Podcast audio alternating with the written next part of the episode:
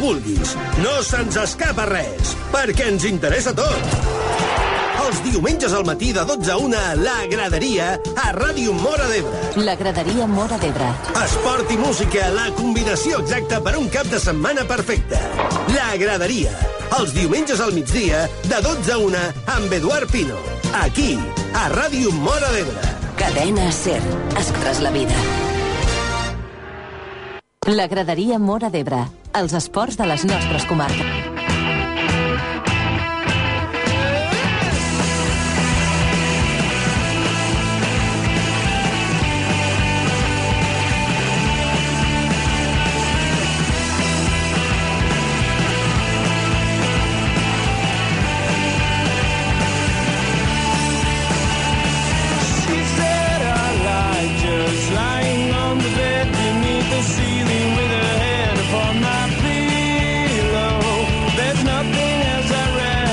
Hola, què tal? Molt bon dia. Avui és diumenge 1 de juny, són ara mateix les 12 i 2 minuts. Benvinguts en una nova edició de La Graderia. Com sempre, per començar el nostre programa, moment de un repàs al sumari per al programa d'avui, des d'ara mateix i fins a la una del migdia, que estarem amb tots vosaltres. Com dèiem, sumari del nostre programa i comencem. Avui a la graderia farem un repàs de les notícies més destacades que ens deixa la setmana. També farem un repàs a la prèvia de la jornada a la segona divisió espanyola per avui diumenge. Parlarem també del futbol de casa nostra, també de la darrera jornada del campionat de Lliga. I acabarem amb la secció de llave de Petón, avui amb més històries futbolístiques. Però, a més a més, molta atenció perquè avui també podreu escoltar l'entrevista que vam mantenir amb el jugador del Swansea City, el jugador de Sant Carles de la Ràpita, Àngel Rangel. Fa dues setmanes ens vam desplaçar fins a Sant Carles de la Ràpita per a passar la tarda amb ell, per entrevistar-lo. La setmana passada dins l'estadi ja la vau poder sentir, però avui, per a tots els oients de la graderia, també podreu gaudir d'aquesta entrevista aquí a la graderia. Per tot això no pots deixar de sintonitzar el 87.6 de la FM o també podeu sintonitzar-nos a través de la nostra pàgina web www.radiomoradebre.cat És moment ja de començar amb el nostre programa d'aquest diumenge i com sempre ho fem amb el que ha estat el número 1 a la llista dels 40 principals aquesta setmana. Ha estat el tema de Jason Derulo, Trumpets. L'escoltem a continuació per a començar amb la graderia d'aquest diumenge. Molt bon dia, benvinguts a la graderia. Every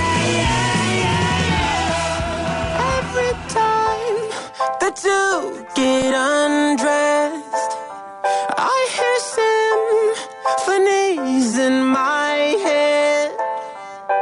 I wrote this song just looking at you. Oh, Oh, oh. yeah, the drums ring low and the trumpets they go.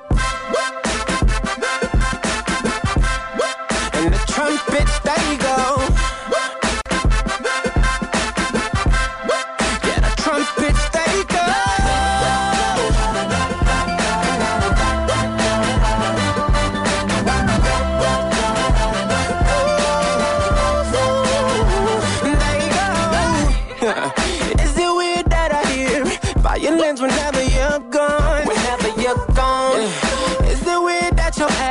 Remind me of a Kanye West song? Kanye West song. Is it weird that I hear trumpets when you're turning me on? Turning me on. Is it weird that your bra remind me of a Katy Perry song?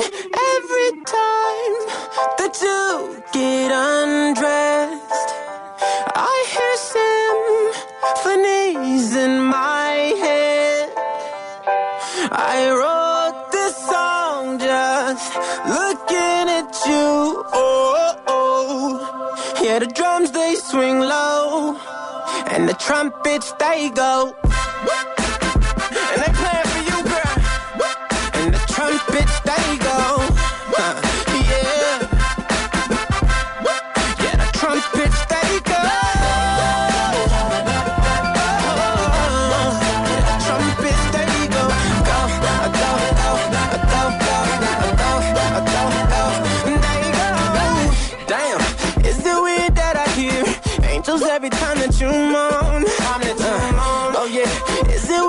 Eyes remind me of a Coldplay song. Coldplay song. Is it weird that I hear trumpets when you're turning me on? Is it weird that your bra remind me of a Katy Perry song? Every time that you get undressed, I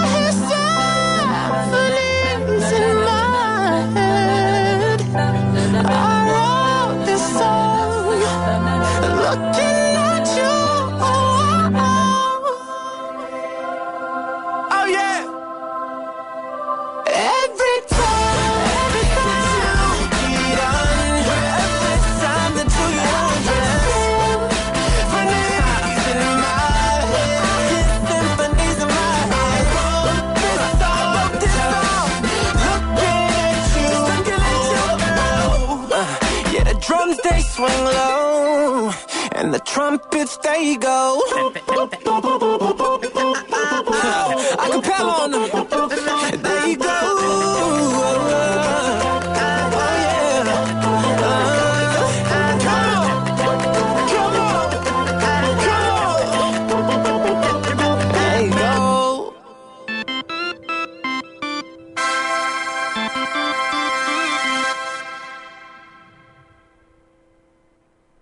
Escolten la graderia a la sintonia de Ràdio Mora d'Ebre a la cadena SER.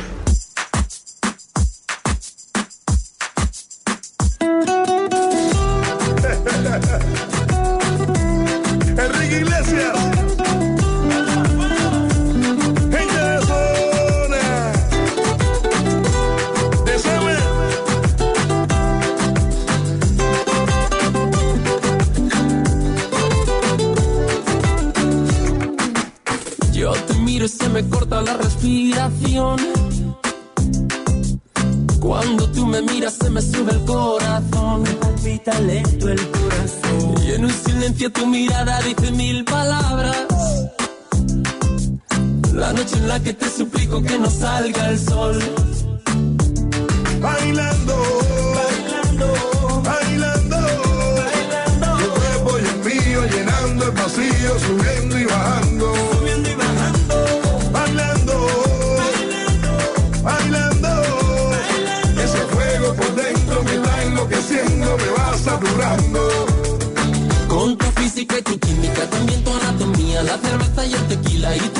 Con la mía. Ya no puedo más, Ya no puedo más. ya no puedo más. Ya no puedo más con esta melodía, tu color, tu fantasía, con tu filosofía, mi cabeza está vacía. Ya no puedo más, Ya no puedo más. ya no puedo más.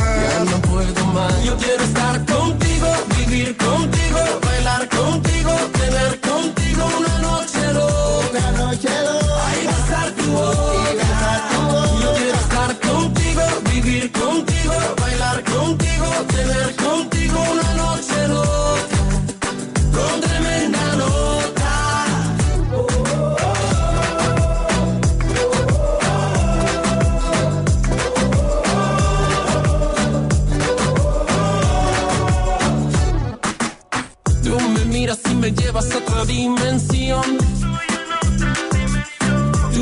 latidos aceleran a mi corazón. Tus latidos aceleran a mi corazón. Qué ironía del destino no poder tocarte, abrazarte y sentir la magia de tu olor. Bailando,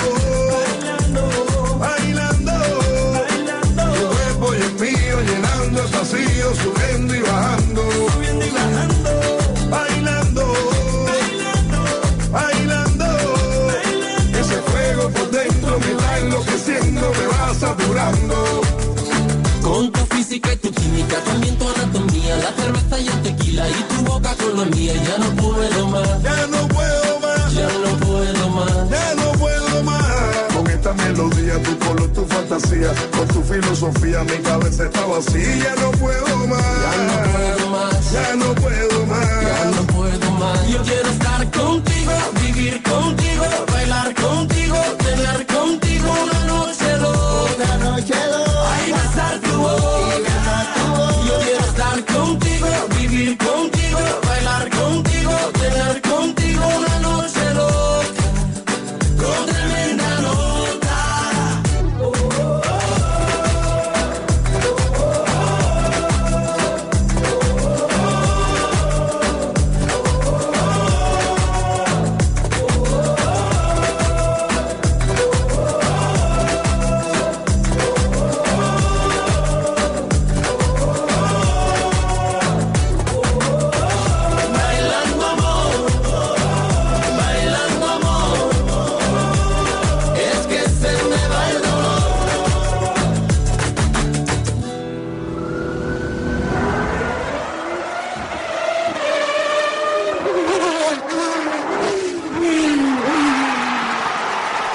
Ser. Número 1 en esport.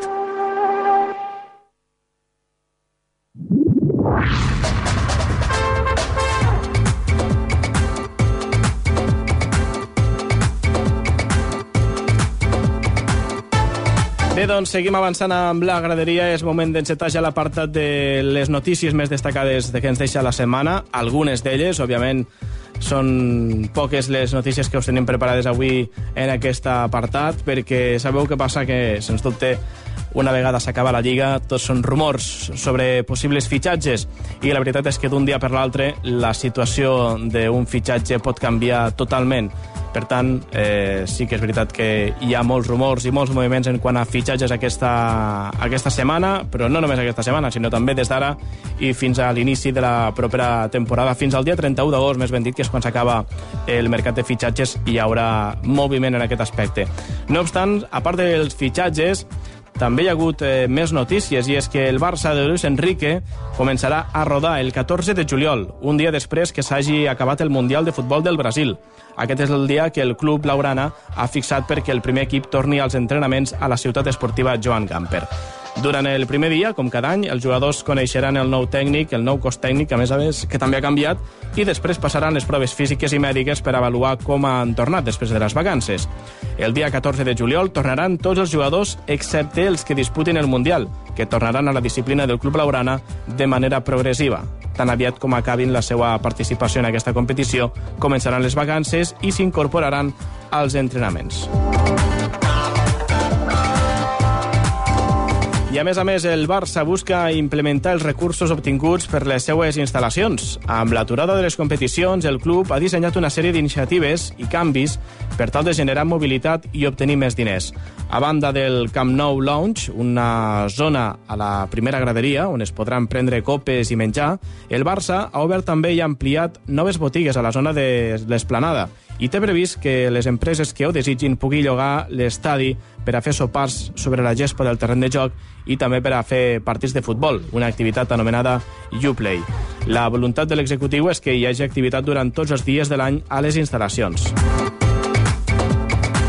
I per acabar, òbviament, ho comentàvem a l'inici d'aquest apartat, que moltes són les notícies i els rumors i els fitxatges que es produiran durant aquests dies, però un de destacat, sens dubte, és que aquesta mateixa setmana, el Partido de las 12, el programa de la cadena COPE, anunciava que David Villa deixarà l'Atlètic de Madrid per a jugar les tres pròximes temporades al New York City, l'equip que, creat a partir de la iniciativa del Manchester City i els New York Yankees, disputa els seus partits a la Major League Soccer, la lliga de futbol americà. El New York City no començarà la temporada fins al mes de març, quan s'estrenarà el Yankee Stadium. El Manchester City vol expandir-se per tot el món i fa uns dies va arribar a un acord amb el Yokohama Marinos japonès. L'entesa deriva d'un acord de patrocini de Nissan Motor amb el conjunt de Manchester, que farà que el City es converteixi en accionista minoritari del Yokohama de la J-League, la lliga japonesa.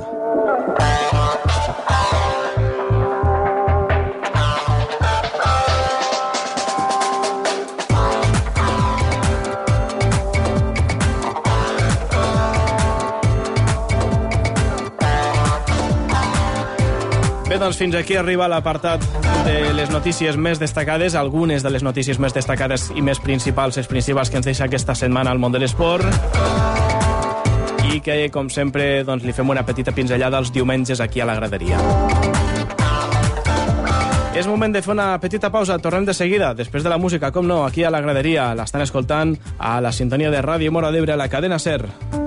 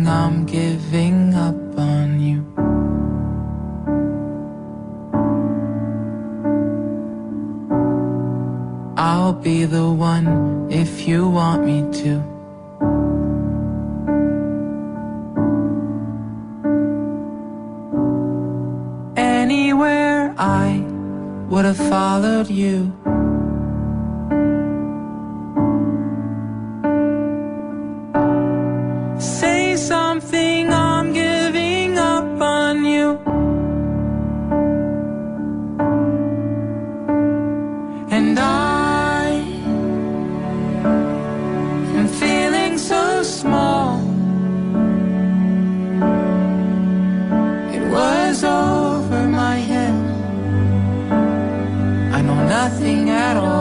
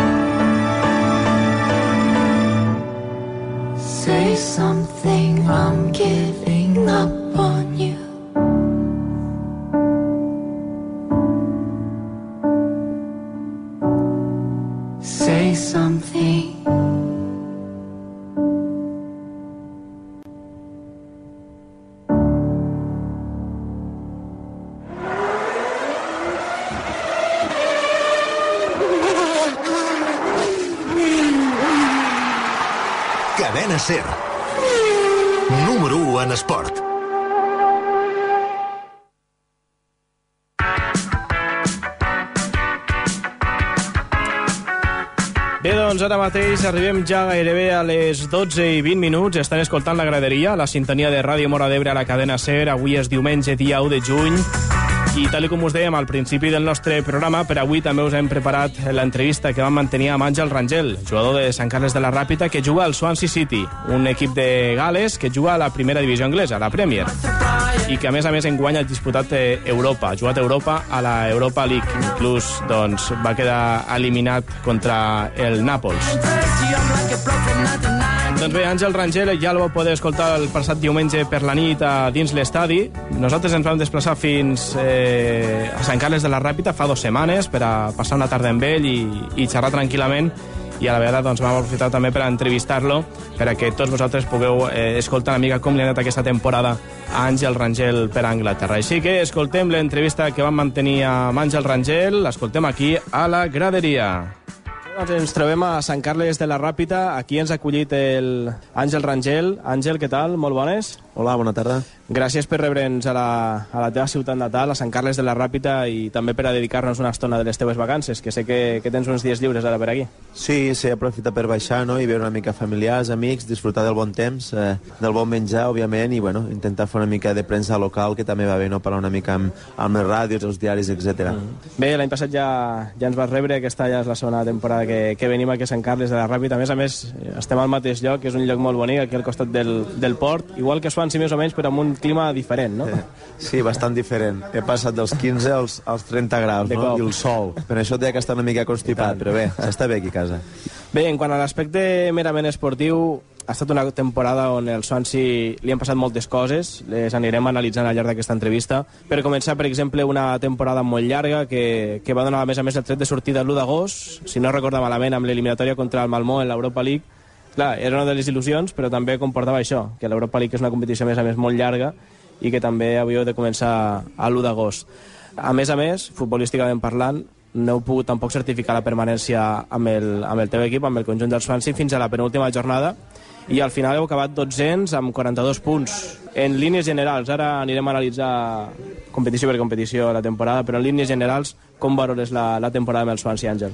Bé, en línies generals, pues, el balanç ha sigut positiu, la veritat. Com tu dius, no vam sellar la permanència fins la penúltima jornada, uh -huh. cosa que el Swansea no està acostumat. Vull dir, sempre ens havíem salvat a falta possiblement de 7, 8, 9 partits. Però bé, temporada dura, on han passat moltes coses, eh, com tu dius, en, en les diferents competicions, que possiblement han afectat a la, a la Premier League, però bé, 42 punts no, és un, no està malament, eh, i, el, me, i el més important, com sempre he dit, que el Swansea juga a la Premier League per aconseguir la permanència. Us ha passat factura potser l'excés de competicions aquest any? Lliga, la Copa, la, la Capital One Cup, jo no sé si, si contar-la perquè va ser, va ser breu aquesta temporada, però l'Europa League, a més a més, massa competicions també per a un equip com el Swansea? Sí, eh, sobretot l'Europa League. Sembla que van començar la pretemporada el 3 de juliol i el primer partit va ser la primera setmana. Ah. Això demostra que vam tenir menys d'un mes per a, per a estar preparats per a, per a un partit de competició i, clar, l'equip no estava bé. Mm. Dir, has començat un 1 d'agost a competir i has acabat a finals de maig. Em sembla que hem jugat uns 60 partits, a més hem tingut moltes lesions de jugadors molt importants, com ha sigut el cas de Mitchu, que l'any passat va ser el, el Pichichi amb uns 20 gols, però bé, en general el fet d'haver jugat quatre competicions, sumant, com et dic, les lesions i alguns mal moments de l'equip, perquè tampoc s'ha jugat també com altres temporades, eh, ens han passat factura, hem viatjat molt per mitja Europa, eh, jugant dissabte, dijous, diumenge, sí. això, una plantilla que no, que no està acostumbrada a competicions europees pues, li passa factura. No estava acostumat ni, ni l'equip, ni la plantilla, ni tampoc tu, que suposo que al cap de la fi, ara que estem a final de temporada, ho valores i, i ara com mires una mica més de lluny dius, ostres, la veritat és que aquesta temporada m'ho passat molt bé. Sí, una experiència inolvidable. Per a mi jugar a l'Europa League era un dels somnis que em pensava que mai, mai, mai aconseguiria. Vull dir, eh, és una cosa més que hem fet ja a la nostra carrera, estic sí. orgullós. Hem tingut la sort d'anar a camps impressionants com és la Mestalla, com és el camp del Nàpoles, etc. I com te dic, l'experiència és molt bona, ho hem disfrutat, però crec que estem contents de que, de que l'any que ve tinguem un sol objectiu, que és la, és la Premier League, i no tinguem que pensar en, en, en aquestes competicions europees que són tan dures. Jo me'n recordo que l'any passat, quan vaig venir cap aquí a Sant Carles per a, per a parlar amb tu, eh, estàvem, sens dubte, molt contents perquè havíeu aconseguit la Capital One Cup, era la, la gran competició que havíeu aconseguit a, aleshores, vas portar la samarreta de, on vas jugar a la final, firmada per tots els jugadors, va ser un moment molt bonic, no? En canvi, aquesta edició de la Capital One Cup, que partiu com els, els clars favorits perquè l'acabeu d'aconseguir, era l'equip a batre i ben aviat que us van batre en aquest cas. A les primeres de canvi contra el Birmingham vau, vau quedar eliminats. Sí, bé, la veritat que és cosa ja de l'entrenador no? a l'hora d'alinear els jugadors. Està clar que a la Capital One Cup no, no li va donar molta importància perquè sabia que l'Europa League seria la segona competició més important per a nosaltres. Òbviament, el partit de la Capital One Cup sembla que va fer nou canvis a l'equip, jugadors que habitualment no juguen i vas anar a un camp d'un segona divisió i sense cap excusa doncs vas, vas sortir perdent. Eh, encara que juguen jugadors inhabituals, ets jugador de Premier League i has, has de guanyar, ets el favorit. No va ser així, però també ens va ajudar una mica doncs, a, a fer millors partits a l'Europa League, no? on, on vam arribar molt lluny. I, I bueno, sí, va ser una llàstima perquè tothom esperava que féssim un paper més, més important i millor a la, a la Capital One, però bé, està clar que quan jugues quatre, quatre competicions has de tenir algunes prioritats i està clar que la Capital One Cup era possiblement la tercera o la quarta. Bé, la Capital One Cup l'any passat us va donar accés a disputar la Europa League, cosa que l'any que ve no, no, podreu, no podreu fer, no podreu jugar a Europa l'any que ve, però sí que és veritat que la Capital One Cup va ser un, un trampolí per al gran escaparat que és, que és jugar a Europa, no? I, i és, sens dubte, una de les novetats d'enguany. Ho parlàvem ara fa un moment amb Àngel, que ha estat molt especial per tu.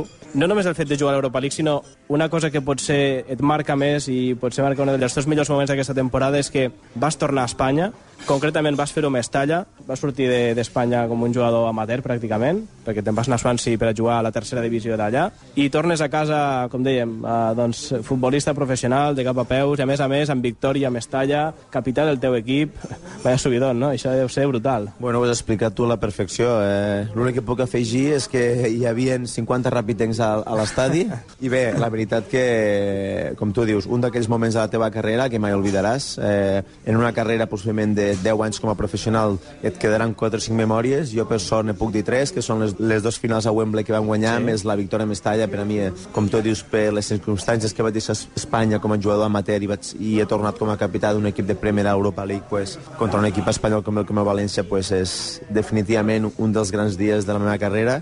Esperem que n'hi hagi molts més, però sí que se pot escriure com, com un dia totalment especial. Com ho vas viure el, el dia que es fa el sorteig de, de grups, de la fase de grups de l'Europa League i, i surt el València? Dius, ostres, tornaré a, a Espanya a jugar. Com ho vas viure aquell dia? pues em va, em va encantar, em va encantar perquè sabia que tindria molta, molta visita de gent d'aquí. La veritat que jugar contra un equip espanyol pues, sempre, sempre és una cosa bonica, no? La veritat que després de, del partit que vam fer, sabent contra qui jugaves, pues, a veure què tinc que dir, és Clar. un dia perfecte. Bé, en general, el, el balanç de l'Europa League pues, no pots demanar més. Vull dir, vas passar la, les dos primers eliminatòries, vas, mm. vas quedar entre els dos primers, una mica patint al final, però vas passar la fase de grups i al final, òbviament, contra, contra el Nàpoles ens van eliminar, però bé, eh, una aventura espectacular. Tornes a Espanya després de quants anys?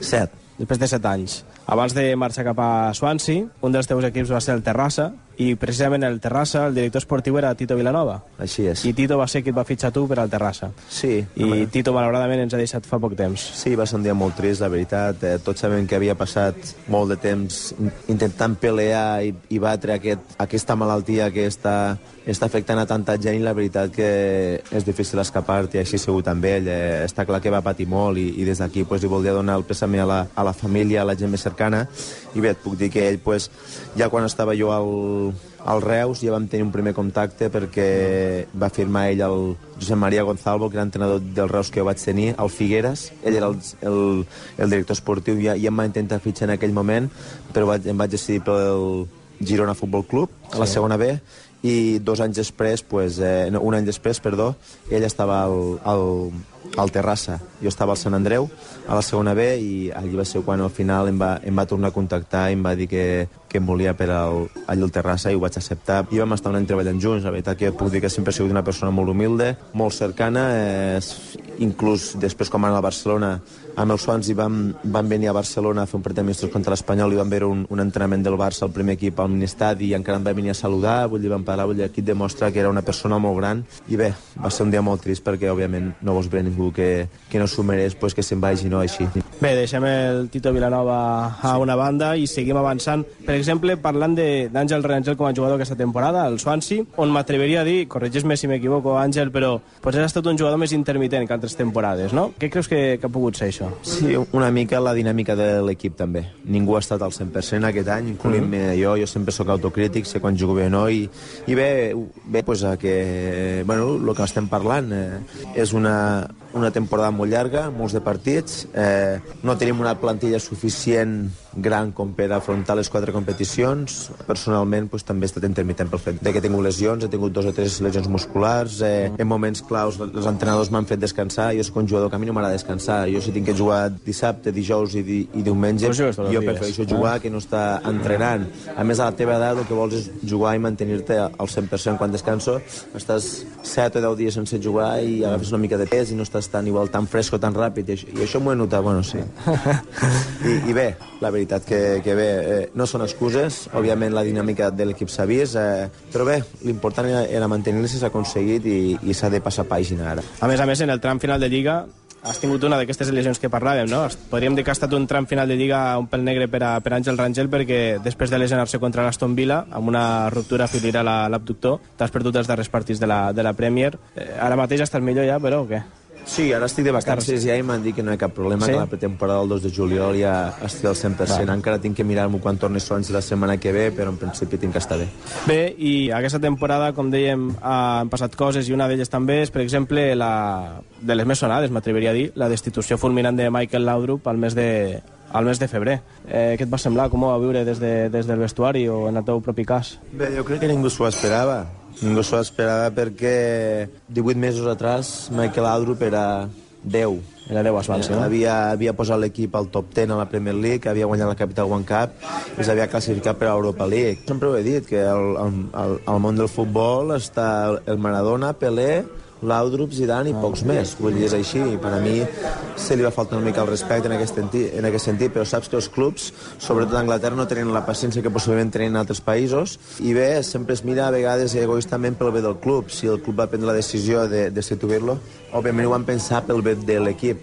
A mi personalment no em va agradar, però a la mateixa vegada eh, tens que acceptar-ho i tens que donar-li la benvinguda al Gary Monk, que era el nostre company, que va agafar les rendes de l'equip i sincerament ha fet un bon paper.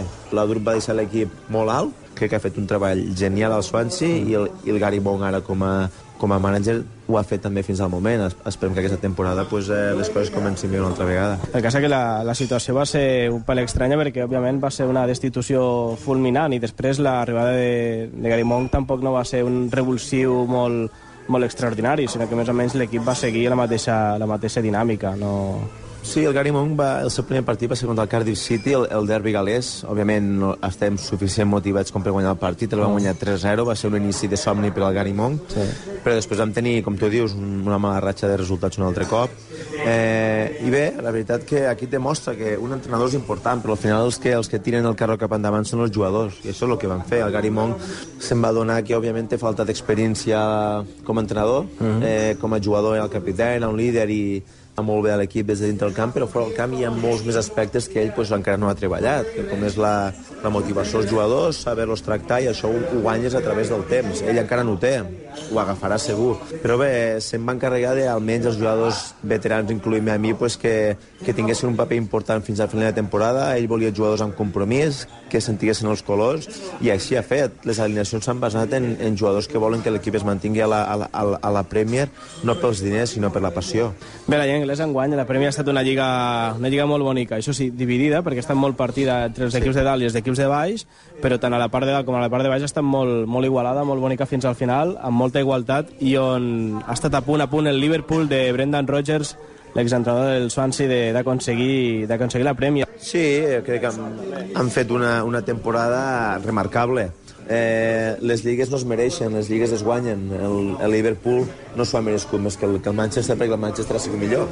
Per això ha guanyat, però sí que el, el Brendan ha fet un treball fantàstic. Eh, Ha posat el Liverpool, que l'any passat no va quedar ni entre els quatre primers, feia molts anys que no juguen Champions i ha fet un equip i juguen un futbol molt, molt vistós i, i molt efectiu. Eh, Ha tret el millor de cada jugador. Has vist que el Suárez i l'Starrich han marcat no sé quants de gols. El Gerrard ha tornat a ser el que era fa 5 anys atrás. I, i bé, però sincerament el Manchester City, eh, sent l'equip més, més ric de la competició, amb possiblement la plantilla més gran i amb, i amb més qualitat i un bon entrenador, sincerament, s'ho ha merescut. I una pregunta molt important. Et planteges ara, eh, Àngel, jugar de porter?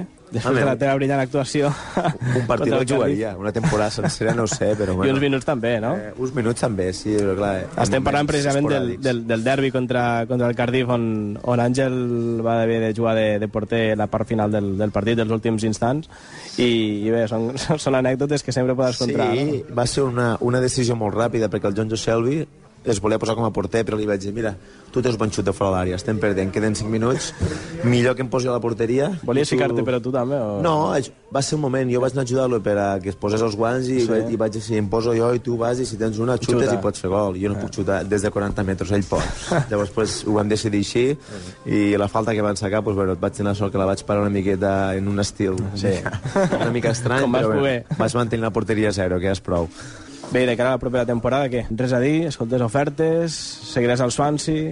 Bueno, tinc dos anys més, porto set, si no passa res en farem nou, i espero continuar als talons de titular com he fet fins ara. Eh, arribaré, si no passa res, a principi de temporada als, als 300 partits oficials amb el Swansea, i, i l'objectiu és estar allí el, màxim, el màxim de, de temporades possible. Crec que amb 31 anys sempre poden haver opcions a que algun equip vingui, però les meves intencions és estar Swansea, estic a gust, estic amb la família i estic disfrutant el futbol al 100%, estic a la màxima categoria del futbol anglès i no es pot demanar més. Que òbviament els diners són importants, però el que, el que jo he construït amb set temporades al Swansea és més que diners, és, és, hem creat com una família entre club i, i jo i hi ha una relació fantàstica inclús amb el president i això no es troba a qualsevol lloc. A més, no recordo cap jugador de, no d'Espanya sinó de qualsevol país que hagi estat un, una dècada un, a un equip de Premier, així que seria un, una cosa important, no? I, i, i m'a- i m'agradaria aconseguir-ho. perquè tornar a Espanya no, no? No, ara és complicat, és complicat. Eh, sempre he dit que futbol anglès m'ha donat molt. Puc dir que més que Espanya. Espanya mai havia passat de la segona B, eh, i per sort a Anglaterra aconseguir el que no vaig, el que no vaig aconseguir aquí llavors pues, Ah. s'ha de ser una mica més agraït i, i la veritat que bueno, s'ha de viure el moment i allà estic a gust Bé, a més a més, com a coneixedor d'altres categories del futbol anglès, perquè tu has, has passat per totes, has passat per totes les categories del, del futbol anglès, a part del, del Swansea, tenim un altre equip que, que nosaltres seguim molt, que és el Brighton, que aquesta és la segona temporada que has jugat el, el playoff d'ascens a la Premier, i s'ha tornat a quedar a les portes. Eh, no sé si... Què, els hi recomanaries? Què creus que li falta al Brighton per a, per a assolir l'ascens? Un altre estil futbolístic, potser, que la seva aposta pel futbol de seguim molt al Brighton, seguim molt perquè està el Bruno Saltor, està l'Andrea Orlandi, que són, mm. són bons amics, i sempre que l'he vist pues, sempre ha sigut el mateix. No? És un bon equip, intenten jugar al futbol, em recorda molt al, al Swansea quan estaven a, a la Championship. Falta, pues, falta crec, que a- aquell home, no? aquell home que, que et doni l'ascens, aquell, aquell fitxatge que et faci els 25 gols, els moments puntuals que et guanyi els partits. Un equip que juga al futbol però li falta aquell punt de creativitat. Eh, hi ha molts jugadors bons, però li falta aquella cosa, i això es guanya pues, amb l'experiència. Ara porten dos anys a la, a la Championship jugant els playoffs, sí. han estat una mica, sincerament, desafortunats. S'ha de dir que aquest any, com tu m'has dit abans, el Bruno es va lesionar sent una peça important a l'equip, mm. i, i, i, i a més els va tocar un equip que enguany està molt bé, que és el Derby County, fan un futbol fantàstic també, i, i bé, la veritat que el playoff com tots sabem a qualsevol lliga és una loteria. T'ha de sortir el dia del partit un dia perfecte i, i passar. Vull dir, el Brighton desafortunadament doncs, no ha sigut així. Espero que, que, bueno, que en un futur si pot ser la temporada que ve doncs, que aconseguissin aquest ascens perquè com jo et dic em recorda molt el Swansea en, en, en tots els sentits en un estadi nou on entra em sembla que 30.000 espectadors s'omple cada setmana. Em, em sembla que estan fent una ciutat esportiva nova. Vull dir, tot allà l'únic que falta que és, és aquest esperat ascens que, que bueno, això, això es guanya doncs, com jo et dic amb la, amb la filosofia de fissatges Bé, Àngel, que ho hem de deixar aquí. No trobem més, més temps, que suposo que estàs ja planejant aquestes vacances. A part d'estar uns dies per aquí a Sant Carles, eh, què faràs per aquestes vacances? Família? Bé, com amics? sempre amb la família. Si ara estic aquí Sant Carles per veure els amics i família, mm. d'aquí la, la Ràpita, i després marxo amb la, a la meva família, que és la dona i els tres nens, i marxem pues, a veure món una mica. No? Tenim set setmanes de vacances i, i intentem veure coses no? I, i disfrutar al màxim fins que comencem una altra vegada. Bé, doncs, eh, Àngel Rangel, altre cop, moltíssimes gràcies per atendre'ns, a descansar sobretot, a recuperar-te d'aquesta lesió, ficar-te a tono per a la pretemporada i moltíssima sort per a la propera campanya. Moltes gràcies a vosaltres. Aquest era Àngel Rangel, l'hem pogut escoltar aquí a la graderia. Fem una petita pausa i tornem de seguida.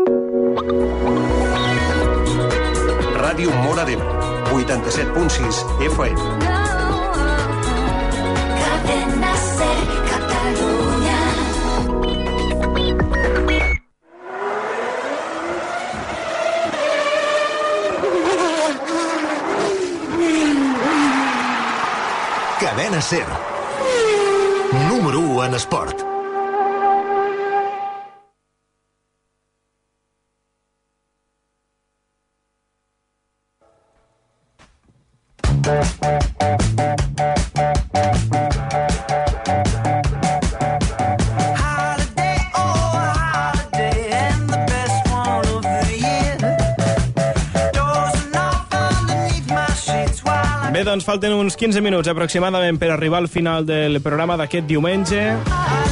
Anem ràpidament a fer un repàs als partits que s'han de disputar al futbol de casa nostra.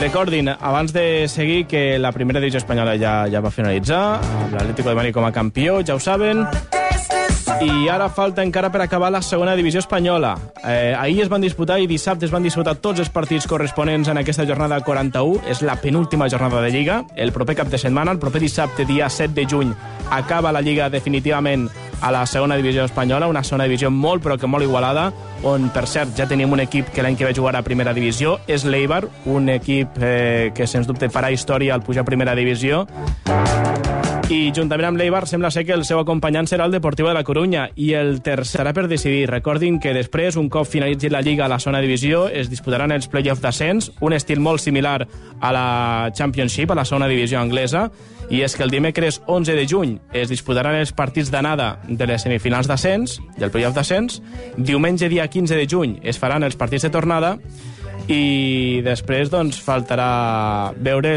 l'altre partit, que serà una final, una final a, a doble partit. Dimecres 18 es juga el partit d'anada de la final i el diumenge, dia 22 de juny, es juga la final partit de tornada. Per tant, a la zona de divisió espanyola, fins a finals de juny, encara tenim competició. the other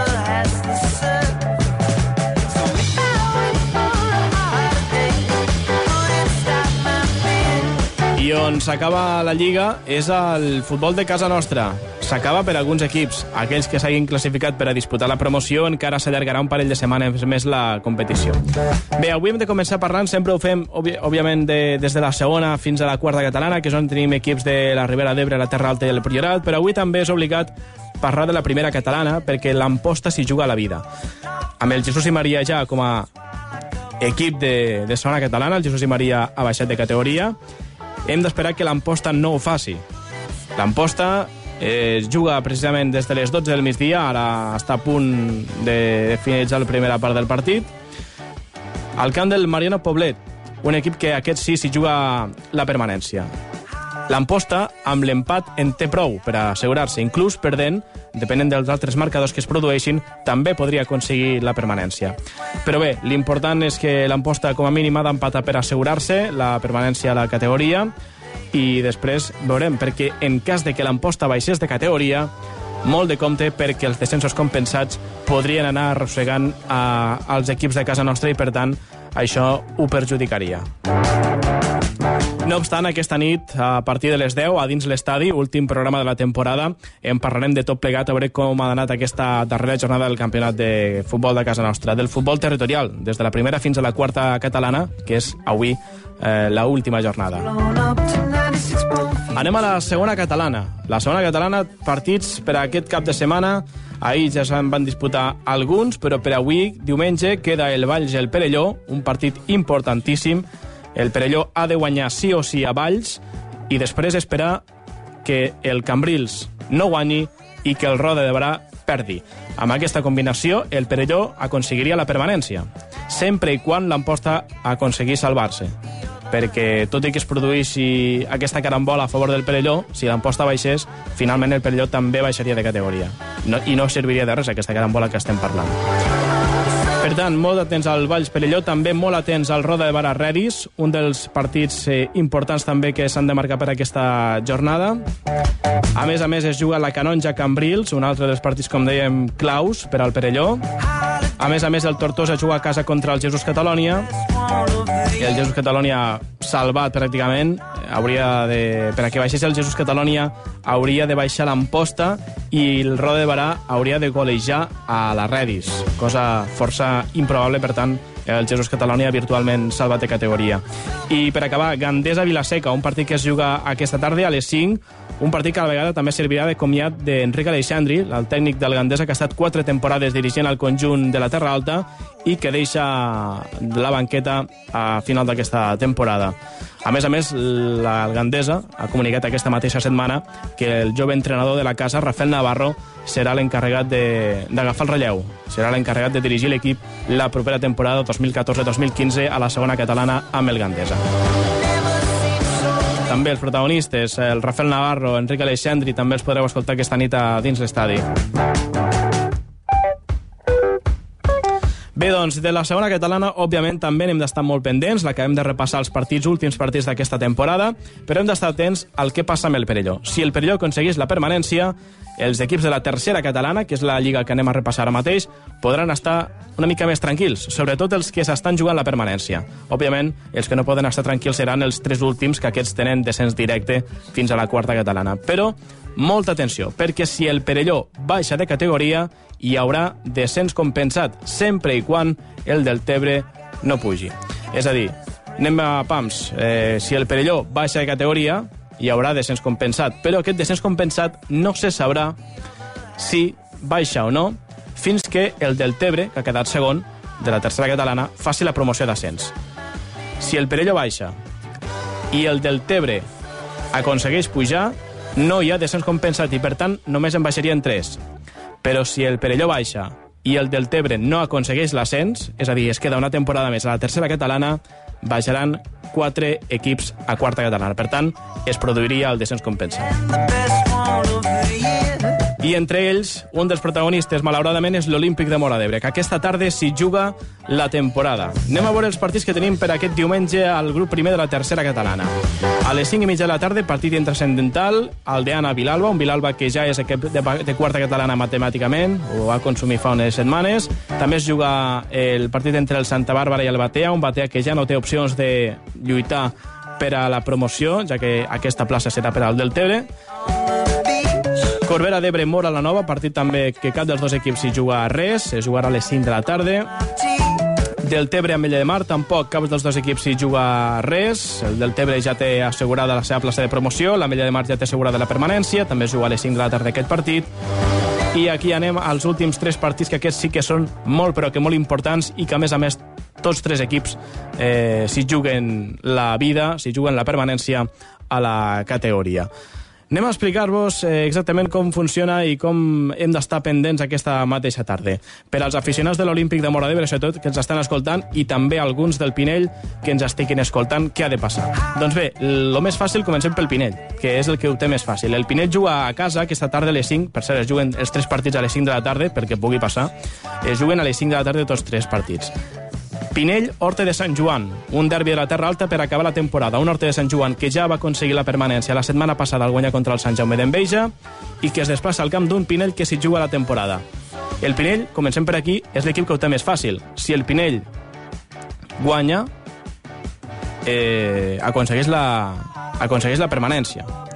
I si empata, hauríem d'esperar què passa amb el triple empat amb un possible, tri o amb un possible empat amb l'Olímpic de, de Mora d'Ebre, que l'Olímpic de Mora d'Ebre, eh, si no vaig mal equivocat, si no vaig mal, enquima, mal encaminat, té el gol a favor amb el, amb el Pinell. Per tant, el Pinell quedaria per sota de l'Olímpic. Per tant, el Pinell ha de guanyar sí o sí.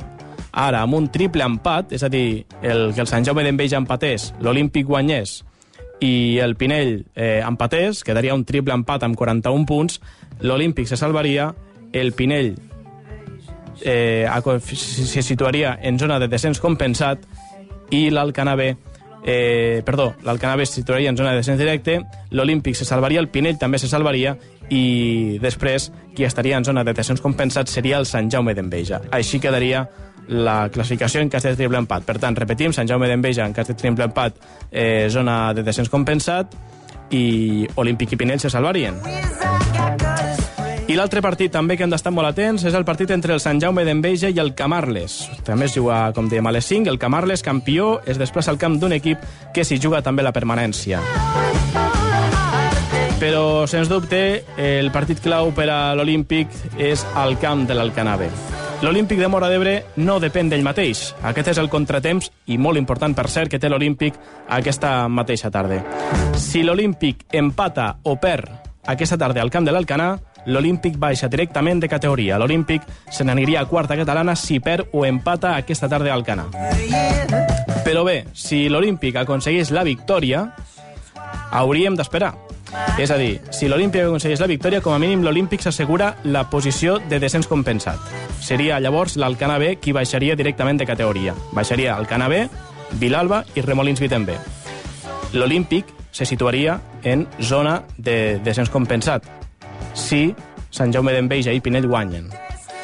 Però si no, per a que l'Olímpic se salvi i no hagi de patir cap mena de problema, és a dir, perquè la zona de descens compensat, de la manera que està la situació, el Perelló té molt complicat, hauria de ser una carambola força important la que es produís per a que el Perelló aconseguís la, la permanència, i a l'espera del que pogués passar amb la promoció d'ascens del Deltebre, per a curar-nos en salut, per a que l'Olímpic no hagués d'esperar dues setmanes més per a com acaba la promoció ni res, hauria d'aconseguir la zona de, de, de permanència segura, eh? en una zona sa i estalvi, per a dir-ho d'aquestes maneres. Doncs bé, per a que es produeixi aquesta situació, l'Olímpic, òbviament, ha de guanyar el Cana i esperar que el Sant Jaume d'Enveja i el Pinell no guanyin el seu partit aquesta setmana. Això deixaria l'Olímpic fora de tot risc, és a dir, en la permanència a la butxaca una temporada més a la tercera catalana.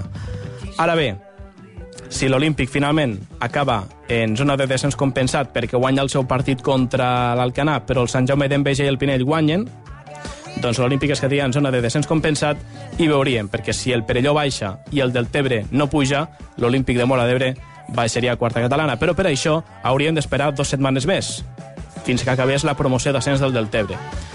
Per tant, eh, no cal agonitzar tant i val més que l'Olímpic tingui la sort del seu costat i es produeixi aquesta carambola per a que el conjunt morenc se salvi de categoria. Deixem el grup primer. Anem ja cap al grup segon de la tercera catalana. No obstant, recordin, eh, aquesta nit, a partir de les 10 a dins l'estadi, ho actualitzem absolutament tot, us direm com ha acabat la classificació, qui baixa, qui no baixa i com queda la situació en aquesta última jornada de Lliga. Recordin que, a més a més, serà l'últim programa de la temporada de dins l'estadi. Com dèiem, anem ja al grup segon. Ahir es van disputar tots els partits. L'únic que juga avui és el falset esportiu, que s'acomiada d'aquesta temporada al Camp del Salou. Una temporada en blanc i negre. Més que res perquè la primera volta va ser totalment desastrosa per al falset, que es va quedar molt a prop de la zona de descens. Va haver un canvi a la banqueta, incorporació també d'algun jugador important com l'Aleix Martí, i ha estat un remuntar sense parar. Només ha perdut un partit, si no m'equivoco, en els últims 12 últims encontres el falset. És una llàstima que la Lliga s'acabi ja, perquè si hi hagués una altra volta, sens dubte el falset per coses molt més importants. Bé, doncs, com dèiem, el falset acaba aquesta temporada al Camp del Salou, aquesta tarda a les 5, un falset que intentarà aconseguir la victòria, com a molt opta a la cinquena posició d'aquesta Lliga. I per acabar anem al grup 20 de la quarta catalana, una quarta catalana que també s'acaba aquesta setmana. Per exemple, en aquesta jornada número 34 tenim els següents, els següents partits. Només un es juga avui diumenge perquè la resta ja es van disputar ahir dissabte, inclús el dijous amb el Catalonia Campredó. Ja ho saben que puja de categoria el Godall, un supergodall que ha fet una temporada excel·lent, juntament amb el Camp Redó, segon, i el Ginestà que ha acabat tercer. Un Ginestà que ja es va acomiadar ahir de la seva afició i també de la categoria d'aquesta quarta catalana que ja feia anys que arrossegava. I avui, diumenge, l'únic partit que es juga és a les 5 entre l'Escove i el Benissanet. Un bon derbi per acabar la temporada. Un Benissanet que, si guanya aquest partit, podria acabar la Lliga eh, per sota del Tivenys, sisena posició. Com més amunt quedis, millor, qui sap el que pot passar en, aquesta, en aquest estiu. Sempre hi ha algun equip que renuncia després a pujar de categoria o algunes o algunes suposicions que sempre van sortint, òbviament, al final d'aquesta temporada i que s'aniran sortint durant tot l'estiu, com per exemple el Remolins Wittenberg, que la temporada passada va, va pujar de categoria ja al mes d'agost, eh, de rebot. És a dir, que veurem què passa finalment. Va ser després de la retirada de l'Atlas de Tortosa.